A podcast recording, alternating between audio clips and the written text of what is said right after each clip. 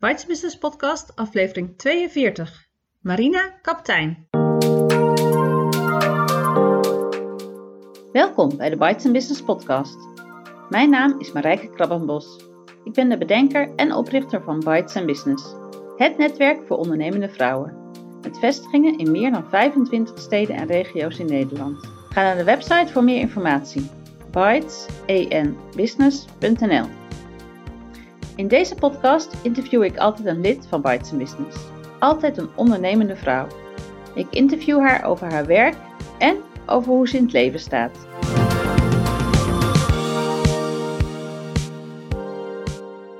In aflevering 42 het interview met Marina Kaptein. Marina is lid van Bites Business Het Groene Hart en tekstschrijver en redacteur.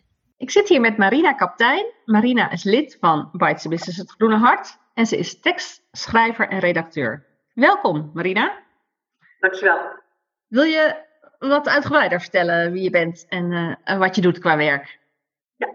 Um, nou, Marina Kaptein, ik heb mijn eigen bureau Alpha Tekst sinds vijf jaar. Ik ben tekstschrijver, redacteur en communicatieadviseur, maar ik voel me vooral tekstschrijver en redacteur.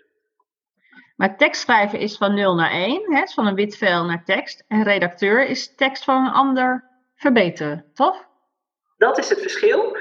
Uh, en ik moet zeggen als ik tussen die twee zou mogen kiezen, dan ben ik nog liever redacteur, want ik vind het gewoon heel gaaf om met iets wat ligt um, aan de slag te gaan en dat nog beter te maken, zodat het echt gaat werken voor mensen. Want ze voelen vaak wel, het loopt niet, maar zien niet waar een tekst verbeterd moet worden. En ik, heb net, ik kan net die finesse erin brengen, waardoor het wel werkt. En dat is gewoon gaaf. Daar krijg ik altijd wel weer een kick van. Mooi. En heb je altijd in het communicatievak gewerkt?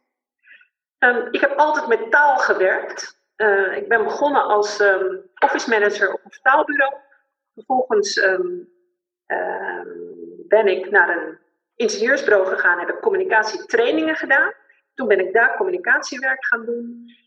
Uh, en daarna bij een uitgever gewerkt. En toen ging ik weer meer de tekst- en uh, bureauredactie kant op. Maar daar zaten ook communicatie-elementen in. Dus uh, altijd met taal, redactie, communicatie gewerkt.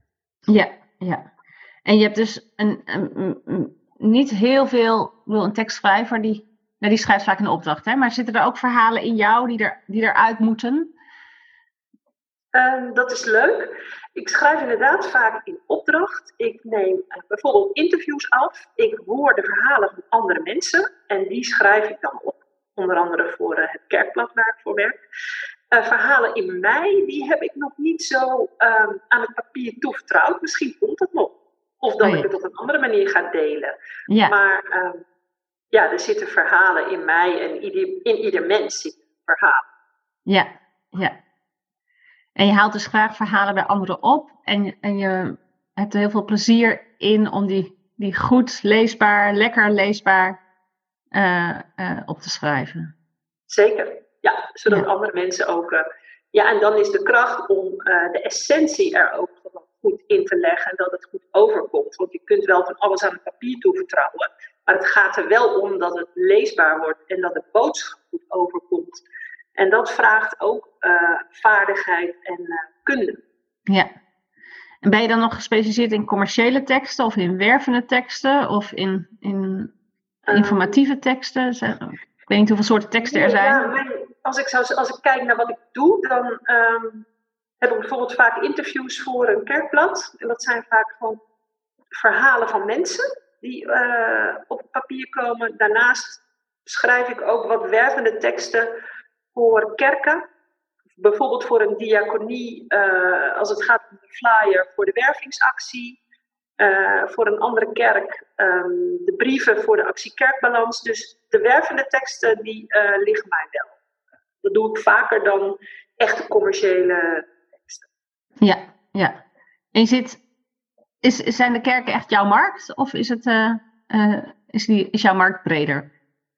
Ja, eigenlijk uh, zijn de kerken vooral mijn markt en daar maak ik me ook vooral bekend. Daar doe ik dus ook mijn nou, promotie, zeg maar, acquisitie. Um, ik heb nog wel twee onderliggende of nou moet ik eigenlijk zeggen, twee projecten die alsmaar doorgaan, die niets met de kerk te maken hebben. Dat is aansturen van een redactie van een tijdschrift op het gebied van medische microbiologie. Dus dat zijn de virologen en de medisch microbiologen, een hele andere tak van sport. Hmm. Maar dat komt voort uit mijn vorige werk. Die Bij de uitgever. als het ware meegenomen. Ja, en dat mocht? Ze zijn later, nadat ik voor mezelf ben begonnen, vijf jaar geleden, zijn ze na een paar jaar bij mij gekomen met een vraag of ik die klus wilde gaan doen. Ja. En je zei twee? Ja, de andere is een, um, een tijdschrift gebied van interne geneeskunde. Daar doe ik meer de, de traffic. Ik zorg ervoor uh, dat het goed opgemaakt wordt en dat het online goed um, ontsloten kan worden. Um, dat gaat waarschijnlijk ophouden na, jan, na december. Ja. Maar daarnaast heb ik nog het kerkblad, wat ik de twee weken ook verzorg. En dan heb jij het over de kerk, maar ik heb geen idee. Ik ben ongelovig en uh, uh, ken de afkortingen en de stroming al niet zo goed. Maar wat bedoel jij met de kerk? Nou, de kerk is in dit geval um, voor mij de protestantse kerken in Alphen aan de Rijn en omgeving.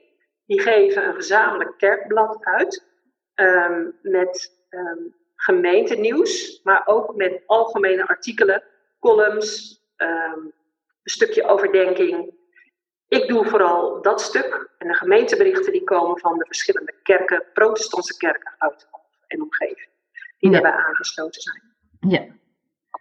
Maar je vindt het ook niet erg om een keer voor een katholieke kerk iets te doen? Nee. nee. Nee, de praktijk is eigenlijk dat ik, um, ja, je, je bouwt je netwerk op.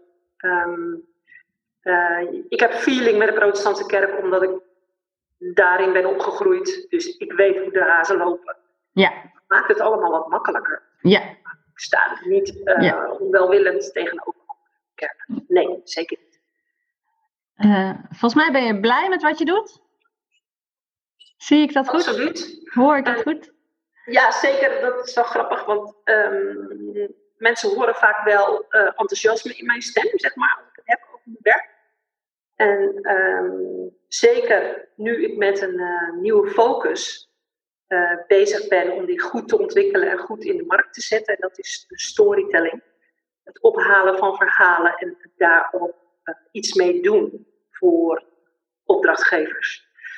En uh, ja, dat is iets waar ik um, me dit jaar al um, op geconcentreerd heb, omdat ik volgend jaar echt met producten en diensten in de markt wil gaan zetten. Daar heb ik mezelf gewoon een jaar voor gegeven. Oké, en wat, wat, kun je er wat meer over vertellen? Het is een idee van jou, maar wat, wat is het idee? Um, nou, het idee is dat je dus um, dat in verhalen van mensen zit vaak heel veel informatie waar je iets mee kunt. Um, mensen mag je zo breed mogelijk uh, opvatten als je wilt. het is eigenlijk mijn missie om, voor, om in kerken, uh, waar die bijvoorbeeld aanlopen tegen veranderprocessen die niet lekker lopen, om die kerk te begeleiden en hen mee te nemen in het proces van het ophalen van verhalen bij gemeenteleden.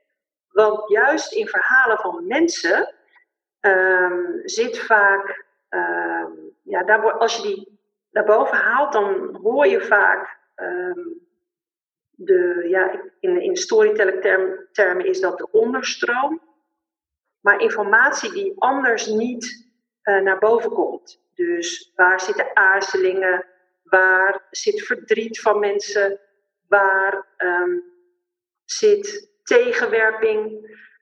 Al die informatie die processen kunnen vertragen, die zit in de verhalen van mensen. Als je dat naar boven weet te halen, dan kun je met die informatie, onderstroominformatie, kun je vaak processen weer vlot trekken. Oké, dus voor een heel specifiek uh, doel, namelijk organisatieverandering. Ja, veranderen. Dat, ja, inderdaad. Dat is een van de focussen. Uh, Met dus een opdrachtgever? De, aan de slag wil komen. Ja. ja. ja. Oké, dus in, in opdracht wil jij verhalen gaan ophalen En die, die geef je dan terug aan die opdrachtgever met, met adviezen, met de essentie eruit. Zodat hij of zij dat kan gebruiken in zijn of haar doelstellingen. Ja, mag ik één concreet voorbeeld geven? Graag. Ehm, in een gemeente waar twee kerken zijn, één organisatorische gemeente met twee kerken, kan het zijn dat daar sprake uh, is van een samenvoeging. Kerkgang loopt achteruit. Twee kerken wordt te duur. Je moet naar één kerk toe. Maar je hebt wel twee plaatsen waar mensen naar de kerk gaan. Vaak twee culturen, om het zo maar te zeggen. Die moet je gaan samenvoegen op het moment dat je kiest voor één kerk. Dan is het juist belangrijk dat mensen um, hun verhaal kunnen vertellen van waarom zij binding hebben met de ene kerk of met de andere kerk. En dat kan zoveel duidelijkheid geven uh, van ja, waarom er bijvoorbeeld weerstand is uh, in zo'n proces van samengaan naar, op weg naar één gemeente. Dus je moet horen wat er bij mensen leeft om te begrijpen waarom het gaat zoals het gaat. En als je dat weet, dan kun je daar veel meer op inspelen. Dus doe iets met verhalen, haal de informatie eruit en ga ermee aan de slag. Onder andere dus in veranderprocessen, maar er zijn ook meer terreinen waar je ja. En ik hoor jou heel erg geloven in de kracht van die verhalen, maar ik heb jou niet horen zeggen, ik ben dol op interviewen. Ga jij dan die interviews doen of wil, wil jij de regie zijn, regisseur zijn van het proces en gaan andere mensen de verhalen ophalen? ja, precies. Ik begeleid het proces, ehm, maar interviewen doe ik niet. Ik stel een vraag en mensen vertellen hun verhaal. En ik luister naar dat verhaal. Oké, jij bent wel degene, jij bent wel degene die het verhaal ophalen. Ja, maar je noemt het geen interviewer. Het is, het is een andere techniek. Het is het ophalen van verhalen. Ja. ja. Mooi. Doet me denken aan de Rabobank, die ook continu fuseert, hè, waar twee banken, bankkantoren in het land ergens samen gaan. En uh, nou ja, waar ook altijd twee toch een soort van bloedgroepen dan uh, samen moeten. Dus ja, fusies is in het bedrijfsleven natuurlijk ook een, iets wat vaak voorkomt. Ja. En waarom ik dat nu zo graag bij kerken wil doen, uh, ik wil dit graag doen, maar ik weet ook, ik realiseer me ook dat kerken uh, helemaal niet gewend zijn om op deze manier te handelen of te denken.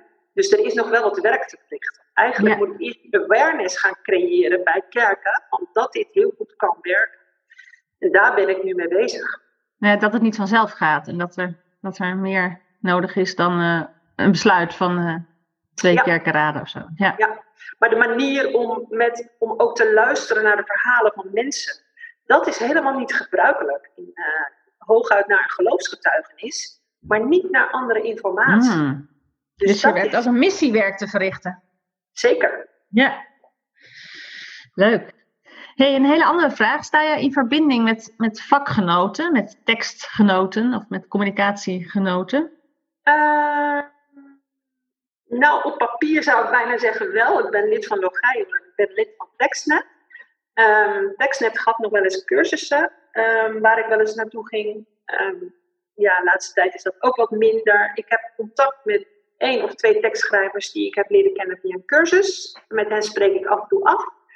Dus dat is leuk. Um, en je bent lid van twee, twee vakverenigingen. Wat is het verschil tussen die vakverenigingen? Logion is voor de communicatieprofessionals. Uh, en TextNet is de beroepsvereniging voor tekstschrijvers. Oké, ja. En daarnaast heb ik wel uh, contact via de protestantse kerk met mensen die net als ik ook advieswerk doen en gemeentes begeleiden. Dus dat is meer op het communicatie voor kerken. Ja, ja. Daar is geen vereniging van. Nee. Nee. Nee. Oké. En vind je dat je voldoende verdient met deze werkzaamheden? Um, nou, het kan best nog beter, zeg maar. Wat bij kerken lastig is, is dat ze vaak. Um, dat er soms wel geld is, maar dat ze het niet aan communicatie willen uh, uitgeven. Dus daar is nog wel een, uh, ook nog wel wat, zendingswerk te verrichten. Um, maar ik hoop dat ik um, door aannemelijk te maken dat storytelling en story listening gewoon een belangrijke bron van informatie is voor in, in veranderprocessen, maar ook in, uh, in de zoektocht naar je identiteit en kernwaarden en haal je verhaal naar boven. Dat ik uh, toch wel aannemelijk maak dat het, dat het geld mag kosten. En wat voor, dus ik, ik zie nog best wel veel potentie.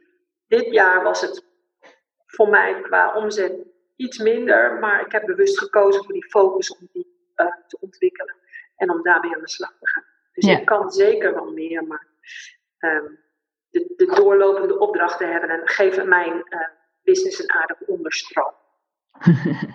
Positieve onderstroom, ja. ja. En je pensioen, heb je daar uh, dingen voor geregeld? Nee. Ik heb uh, gespaard in de een tijd partner? dat ik, ja, mijn dat ik gewoon een vaste baan had. Tot vijf en een half jaar geleden. Nu heb ik een aardig spaarpotje in mijn bedrijf. En ik heb mezelf voorgenomen om daar in ieder geval uh, uh, een deel voor te reserveren voor mijn pensioen. En ik heb inderdaad ook een partner die een pensioen heeft en een eigen Ja. huis. Ja.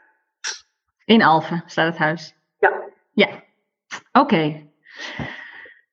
Gaan we door naar deel 2 van het interview. Ehm, over eh, eh, nou ja, de uren dat je niet aan het werk bent, zeg maar. Hoe Marina eh, is als, eh, als mens.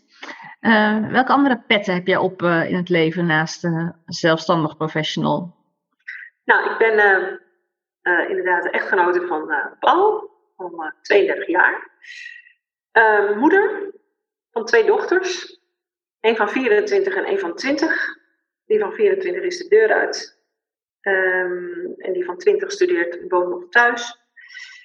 Zou graag de deur uit willen, maar is best lastig. Ehm, daarnaast heb ik best een, hele aantal, een heel aantal vriendinnen met wie ik eh, veel contact heb. Eén wandelvriendin in het bijzonder. Dat is wel erg leuk. Een goede vriendin is ook wandelvriendin. Zeg maar. En eh, daarnaast heb ik ook nog de pet op van in mijn vrijwillige eh, tijd, zeg maar, van redacteur van een ander blad voor. Ook weer mijn kerk. Oh ja. Dat is een vrijwillige functie. Ja. En ben je ook nog dochter? Ja, ik heb een moeder. Eh, mijn vader is dit voorjaar eh, overleden. eh, na een kort ziekbed. Dat was best heel heftig in mei. Ehm, april en mei zijn wat dat betreft ook ja, bijzondere maanden voor mij geweest. En ehm, ja, het was verdrietig. Maar ook wel een heel bijzonder proces. Daardoor heb ik nu ook. ehm, oh, ik heb ook nog twee zussen, inderdaad hebben we wel een andere band gekregen, lijkt het. Jij en je moeder? En mijn zussen. Ja. En je zussen? Ja. Ja. Ja, maar je mantelzorgt nog niet? Nee, mijn moeder woont eh, zelfstandig. Gaat ook best eh, naar omstandigheden goed met haar. Ja. ja. Ze woont dichtbij, Ja. eh, op 10 kilometer afstand. Dus we kunnen er altijd snel zijn voor haar. En hoe heb jij je, eh, hoe, hoe sta jij in het leven? Ja, leuk, leuke vragen. Eh, ja, ik ben een eh, optimistisch, positief, opgeruimd persoon. Ook al is een beetje het glas is ehm, half leeg eerder dan half vol. Dat klinkt een beetje tegenstrijdig, maar dat krijg ik altijd terug van mijn partner. Eh, maar van nature ben ik wel optimistisch en eh, positief opgeruimd en ook nieuwsgierig naar andere mensen, wat andere mensen beweegt. Ja. Leuk, leuk. En wat zijn voor jou belangrijke waarden in het leven? En ik zeg dan vaak eh, die je kinderen hebt geprobeerd mee te geven. Ik weet nooit of het gelukt is natuurlijk, maar wat vind jij belangrijk? Ehm, dat ieder mens goed is zoals die is en dat ieder mens er ook mag zijn. Naaste liefde klinkt dus heel groot, maar dat is wel iets wat ik eh, van huis uit meegekregen heb. Dat je dus ook de ander lief hebt zoals je jezelf lief hebt. En dus dat je ook jezelf lief mag hebben, want je mag er zijn. Mm, openheid, eerlijkheid en integriteit. Dat vind ik ook wel drie grote woorden, maar eh, ik vind altijd dat je open en eerlijk moet zijn over wat er is voor jou. Ehm, als er iets niet goed is gegaan, wees daar eerlijk over. Ehm, ja, maak van je hart geen moordkuil, zeg ik, maar dan wel in, ehm, eh, in redelijke zin. Ja. praat Integriteit, ja, ja. Dat, dat, ligt daar heel dicht tegen. Denk ik. Ja. ja. En jouw kinderen zijn 20 en 24, dus je kunt aardig zien of het goed gekomen is. Uh... ja, grappig. Uh, zo heb ik er eigenlijk nog niet over nagedacht. Want het, was meer zo van, wat krijg ik mee van mijn ouders? Um, nou, zeker bij mijn jongste dochter zie ik die, um, uh, die ja, dat je de ander tegemoet kunt treden zoals je zelf tegemoet getreden wil worden, zie ik bij haar ook terug. En bij mijn oudste nou, zie ik dat eigenlijk ook wel. Die heeft een hart voor kinderen met, um, met een,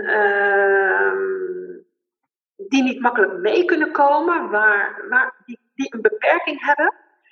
En uh, zij heeft wat dat betreft ook een hart voor andere mensen. Ja, dat zie ik wel terug. Maar dat kan natuurlijk ook een stukje karakter zijn. Ja, maar je leeft natuurlijk veel voor. Hè? Ik bedoel, ze hebben toch gewoon uh, twintig jaar in, jou, in jouw nabijheid gewoond en gezien hoe jij je en je man zich hebben gedragen.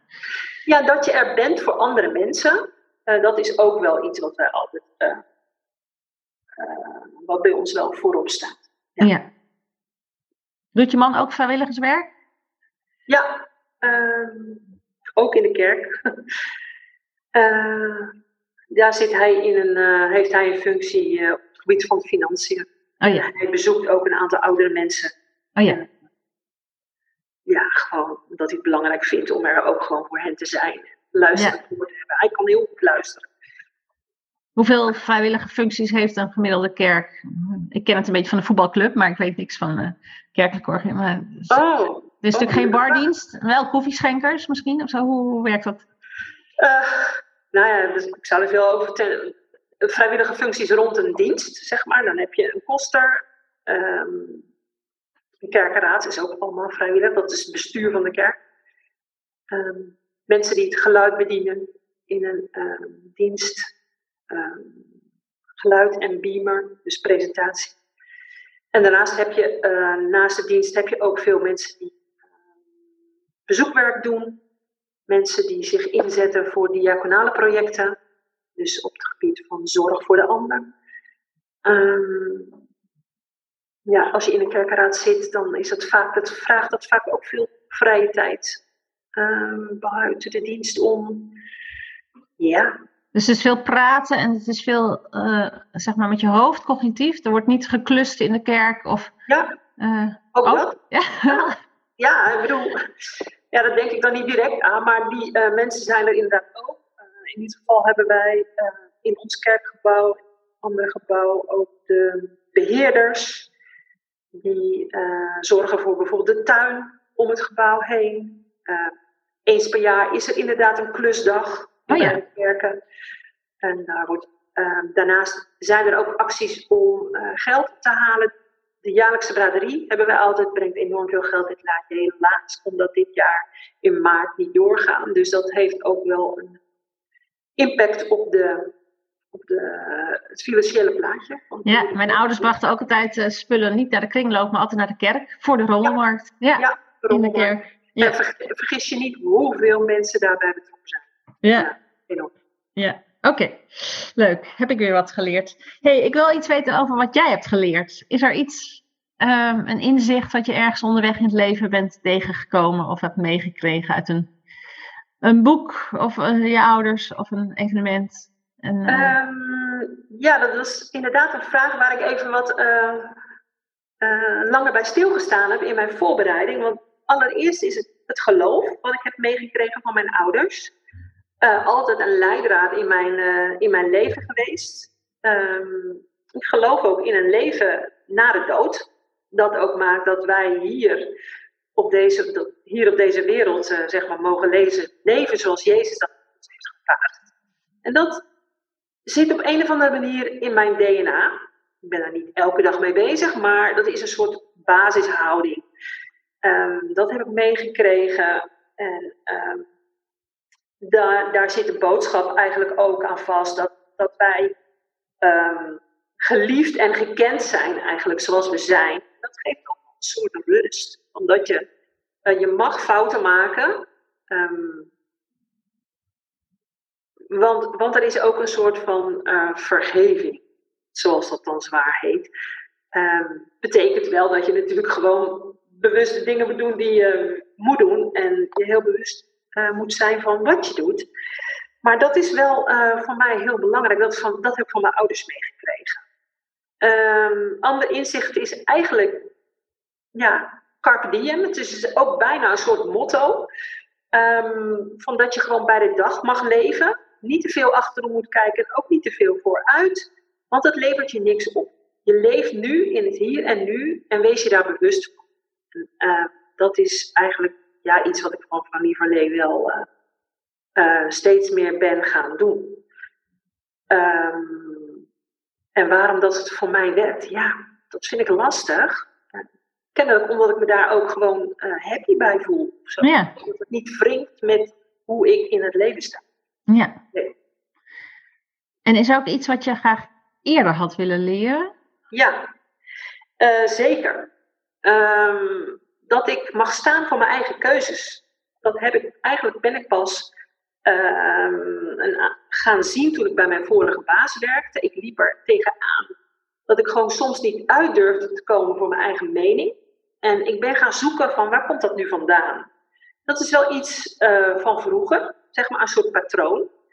Uh, dat je uh, er snel zwijgen toe doet als, je, ja, als er een mening gevraagd wordt of dat je het niet weet. En ik liep daar tegenaan. Dus ik ben daarmee aan de slag gegaan. En nu durf ik gewoon te gaan staan voor mijn keuzes. Als ik dat niet had gedaan, dan had ik nooit mijn eigen bedrijf gestart.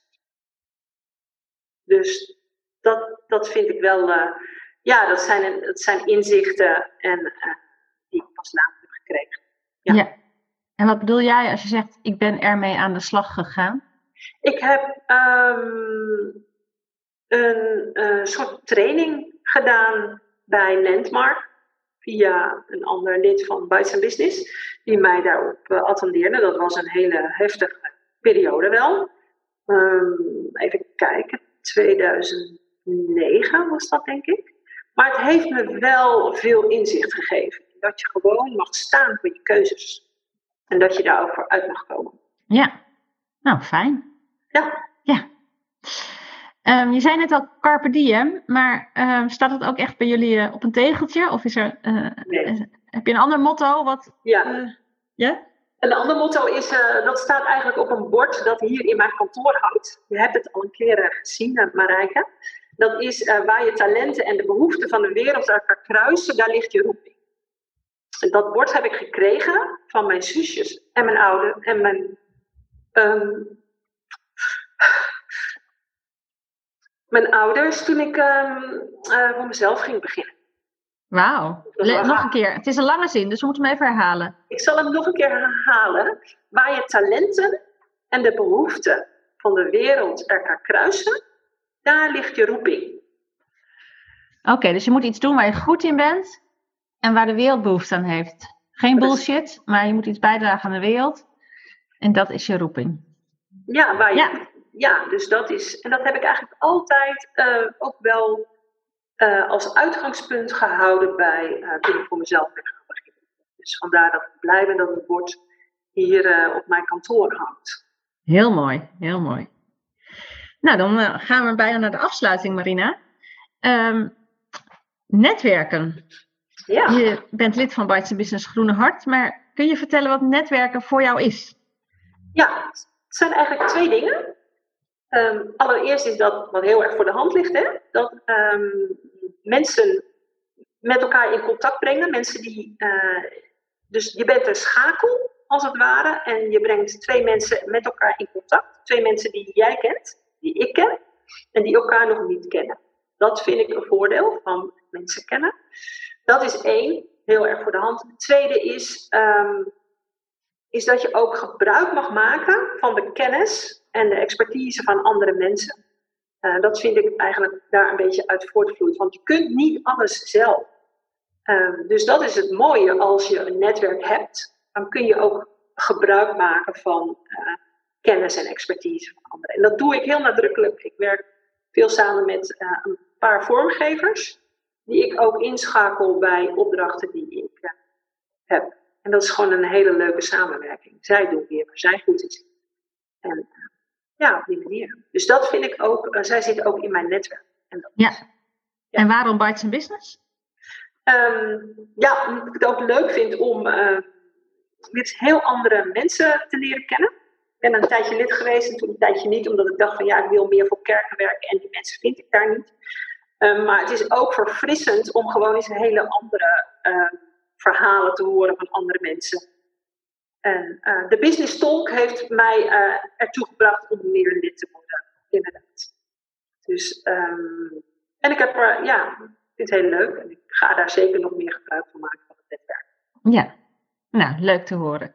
hey, um, als mensen denken, nou die Marina, ik wil meer weten. Op welke website of waar kunnen ze jou vinden? Ja, uh, www.alphatext.nl uh, en www.verhalenmetspirit.nl. Daar heb ik weinig over verteld, maar dat is een verhalenplatform, een verhalenwebsite, die ik aan het ontwikkelen ben, die groeit. Um, daar kunnen mensen verhalen lezen van mensen die een ideaal hebben en deze wereld een beetje mooi willen maken. Dus dan krijgen ze ook een beeld. Um, en Alpha Text gaat veranderen, uh, die website. Nu zie je nog veel van uh, het gebied van communicatie voor kerk en dat gaat meer naar storytelling www.alphatext.nl. Daarnaast heb ik een LinkedIn profiel, uh, Facebook, Instagram. Fijn. Hartstikke goed. Dankjewel Marina. Alsjeblieft. Dit was aflevering 42 van de Bites Business podcast. Ga naar de site om de aantekeningen bij dit interview te vinden. Graag tot de volgende keer. Heel veel dank voor het luisteren. Abonneer je op de podcast, zodat je geen aflevering hoeft te missen. Ben je nog geen lid van Bites Business? Kom dan een keer meedoen op een van de netwerkdiners in het land. Kijk voor meer informatie op de site www.bytesenbusiness.nl Bites Business, het netwerk waar ondernemende vrouwen elkaar leren kennen, elkaar inspireren en elkaar verder helpen. Tot de volgende keer!